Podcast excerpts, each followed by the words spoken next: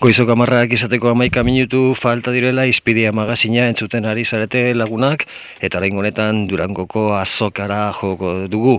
Dakizuen ez, bihar irekiko ditu bere ateak berrogeita margarren edizioak eta hilaren sortzirarte luzatuko da aurtengoa. Ba, gurekin eh, Javi Zabala dugu, Bilburi erratiko lankidea, lehenek eta behin, egunon Javi? Egunon, mieltxo.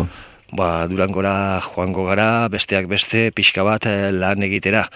E, ze plana dugu? Bueno, ba, mm, aurtengo azokan e, iaz baino, lasaiago hartu dugu lan hori, eta mm, bihar e, amaiketan egingo dugu saio berezi bat, e, zuzenean e, azokatik, eta hemendik, Eta irekieratik e, ordu betera, beraz, e, bueno, eukiko ditugu ja mm, gombidatu batzuk, eukiko ditugu adierazpen batzuk, eta eukiko dugu pizka bat, e, ideia orokor bat, e, azokan zer ikusi eta zer irakurri ahal izango dugun, e, badakizue ba, gune pilo bat e, daudela azokan, e, eta azoka, azkenean euskal kulturaren azoka bihurtu den horretan, eta aurten berrogeta mar urte betetzen dituen horretan, ba, ez bakarrik liburuak, ez bakarrik diskoak, liburuak, diskoak, e, ba, ikusentzunezkoak, e, e, internetekin lotutako gauzak, teknologia berriak, bueno, denetarik dago, orduan egingo dugu pizkat komposizio bat, e, jendeari ba, pista batzuk emateko, ba, e, durangora hurbilduko direnek, ba, jakiteko zer egongo den, eta bertatik egingo dugu. Hori izango da bihar amaiketan gure oiko programazioa aldatuta. Eta esan behar dugu, eta urrengo egunetan ere, Durangoko azokan ibiliko dela bilbori erratia, egunero egunero gauzak egiten. Bai, ez dugu emitituko zuzenean e, azokatik, e, egingo duguna izango da, ba, e, eduki batzuk bildu, elkarrizketa batzuk egin, reportaiak egin, eta gero ja, astelenean behatzietan adibidez, ba, emango ditugu, asteburuan bildutako ba, nola baite perla horiek edo, edo pieza horiek eta espero dezagun ba, hor sorta ederra ukitzea hor durako. Durangoko azoka urteko ezinbesteko zita da. Bai, ezinbesteko zita e, euskaltzale eta kulturazale direnetzat, beste batzuek aprobetsatzen dute urrunera joateko edo agian esain urrunera, baina e, ez dira pasatzen azokatik, ez dakit e, nire kasua mintzate eh, aspaldiko urteetan beti azoka nibiltzea gustoko dut, badao jende asko ez duena, ez duena biziki maite jende artean ibiltzea edo azokan dagoen e, jendetza edo.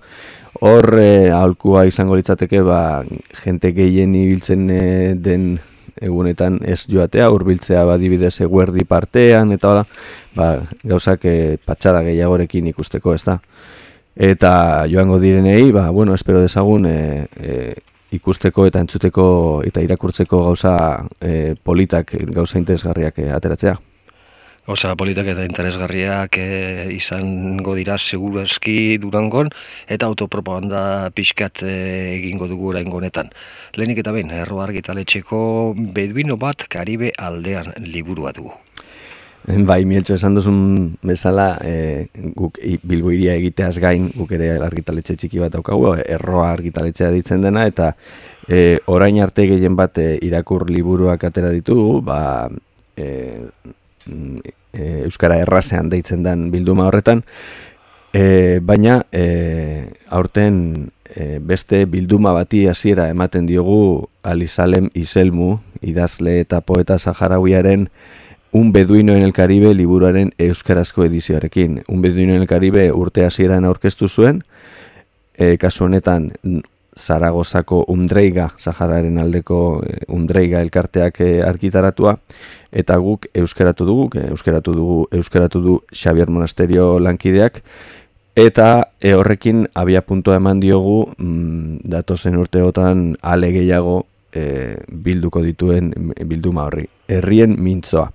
Eta herrien mintzoa e, bilduma horretan gure asmoa da liburu honekin egin dugun bezala, alde batetik liburu berean, alde batetik e, balio literarioa duen e, ba, herri bateko e, literatura ale bat hartzea, e, herriak ez dira edo nolako edo zein herri, baizik eta normalki herri zapalduak herri ukatuak, herri gutxituak izango dira, gure asmoa Sahara, mendebaldeko Sahararekin hasi, urrengo urtean Palestina, urrengo urtean Kurdistan, urrengoan Tibet, eta horrela, e, astea, ba, herrien mintzoa bilduma horretan. Orduan, e, liburu hoietan alde batetik, e, ba, bertako literaturaren ba, perla bat, arribitsi bat hartuko dugu, eta bestetik, ba, itzaurre, mm, itzaurre majo baten bidez, itzaurre, itzaurre luze, edo itzaurre izateko itzaurre luze bate, baten bidez, e, kontestualizatuko dugu, testu inguruan jarriko dugu. Ba, alde batetik el, pieza literarioa izango dena, eta bestetik itzaurrean ba, kontestu horri e, segaitik aurkeratu dugun herri hori, segaitik edo zein dan herri horren historia edo zein dan e, testu inguru historikoa.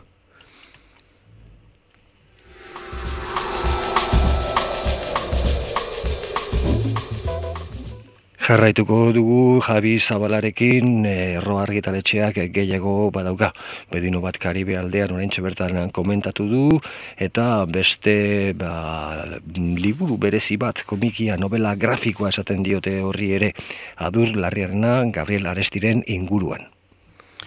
A, bai, a, Gabriel Aresti biografikoa deitzen da. Bio eta grafikoa. Kasu honetan novela grafiko bat da eta adurlarreak e, marrastu du, ez bakarrik marrastu, baizik eta idatzi ere egin du.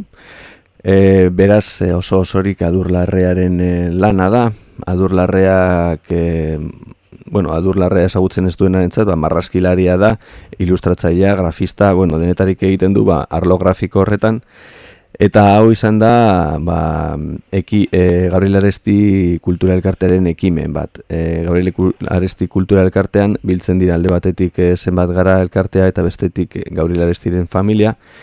Eta beraz, e, esan daiteke hau e, ez bakarrik e, biografia onartua edo, edo autorizatua, baizik eta lagundua Gabriel Arestiren familiak laguntzan dia eman baitio adurlarreari ba, osatzeko e, ba, kontakizuna eta osatzeko ba, hainbat pasadizu biltzen direlako horre novela horretan.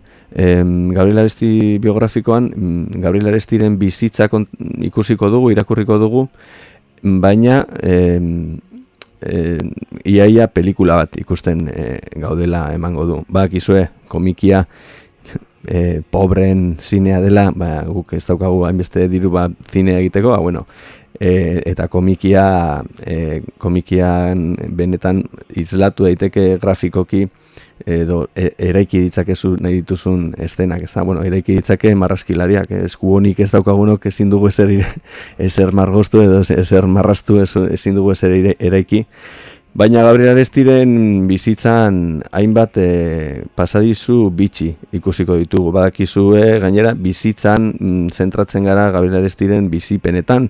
Ez hainbeste alderdi literarioa eta ez hainbeste e, euskararen e, inguruko lana. Baizik eta, bueno, Gabriel Arestiren, e, Gabriel Arestiren bizitzan, e, ba, hori, ba, mugarriak izan ziren e, hainbat gertakari, Eta gertakari horiek historiako gertakariak dira ere, Euskal Herriaren historiakoak, e, izan ere Bilbon jaio zen, hementxe oso oso hurbil gure estudioetatik oso hurbil dagoen etxe batean. Eta, eta bueno, ikusiko dugu, frankismoan nola jaio zen, nola Euskaldun berri edo Euskaldun du zen, kasu honetan iaia modu autodidaktan, eta nahiko ikusgarria Nik, niri asko gustatu zait e, e, novela grafiko hau.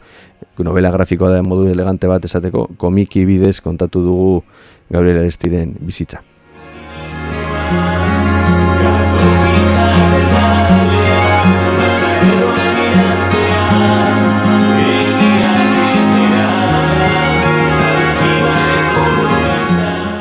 Eta arro argitaletxearen produktuekin bukatzeko mm, gauza berezi bat, de Capricho taldearen Andras Kubak, eta ondo esan dut. Bai, de Capricho, e, bueno, iaz argitaratu genuen beste disko bat, e, kasu horretan e, aire aizpak izan zen, aire aizpen diskoa, eta horrengoan e, bilduma berean de Capricho. De Capricho bi aizpa dira, kubatarrak dira, eta mm, pasaden urtean ibili ziren arrakasta handiz, hemen Euskal Herrian herririk herri, e, kantu kubatarrak eta kantu euskarazko kantuak ba, toke toke kubatar bat emanda, ez da. E, oraingoan, ba, bueno, grabatu dute udan e, diskoa, eta besteak beste, bat, letrak badira, hiru olerkari Andraskoren letrak dira, hain zuzen ere, mire nagurmeabe leire bilbao, eta arrate mardarazen hitzak dira.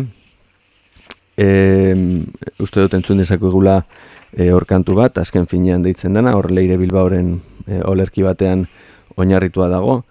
Eta, eta gaur e, eta gaur ateratzen da kalera, gaur e, ateratzen da diskoa e, kaleratzen da, beraz e, Durangon aurkeztuko da, Durangoko azokan bertan, Em, oraingoan e, beraiek e, esperimentua egin dute, beraien kulturatik eta beraien esentziatik beste kultural, mus, kultura musikal batera egin dute salto, euskarazko poesiak e, hartuta, eta eta sortzesku batarrak ez diren erritmoekin ere baladekin, regearekin edo rokarekin, ba, hor naste polita egin dute.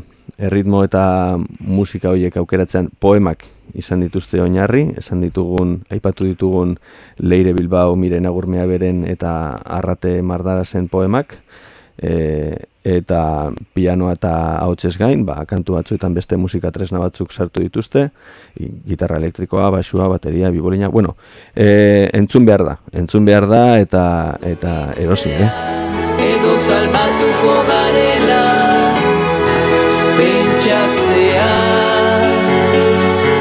ezinbestekoa gauza gutxi Javi Zabala Bilbiri erratiko kolaboratzailea mila esker zure kolaborazioagatik eta aurrein arte. Eskerrik asko zuri. Agur.